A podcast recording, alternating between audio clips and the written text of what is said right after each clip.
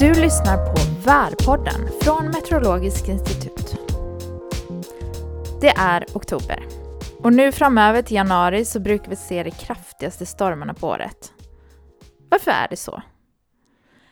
Det som skapar kraftiga lågtryck det är stora temperaturskillnader. Nu under hösten så börjar solen sakta men säkert vara kortare tid uppe på norra halvklotet. Det gör att temperaturen över Arktis blir lägre och lägre. Men närmare ekvatorn är temperaturen fortfarande ganska hög. Och inte allra minst havet är fortfarande varmt. När den kalla luften från nordliga breddgrader möter den varma luften från sydliga breddgrader så är det större risk att kraftiga lågtryck bildas. Stormlågtryck tar med sig mild och fuktig luft från havet i väst in mot Norge.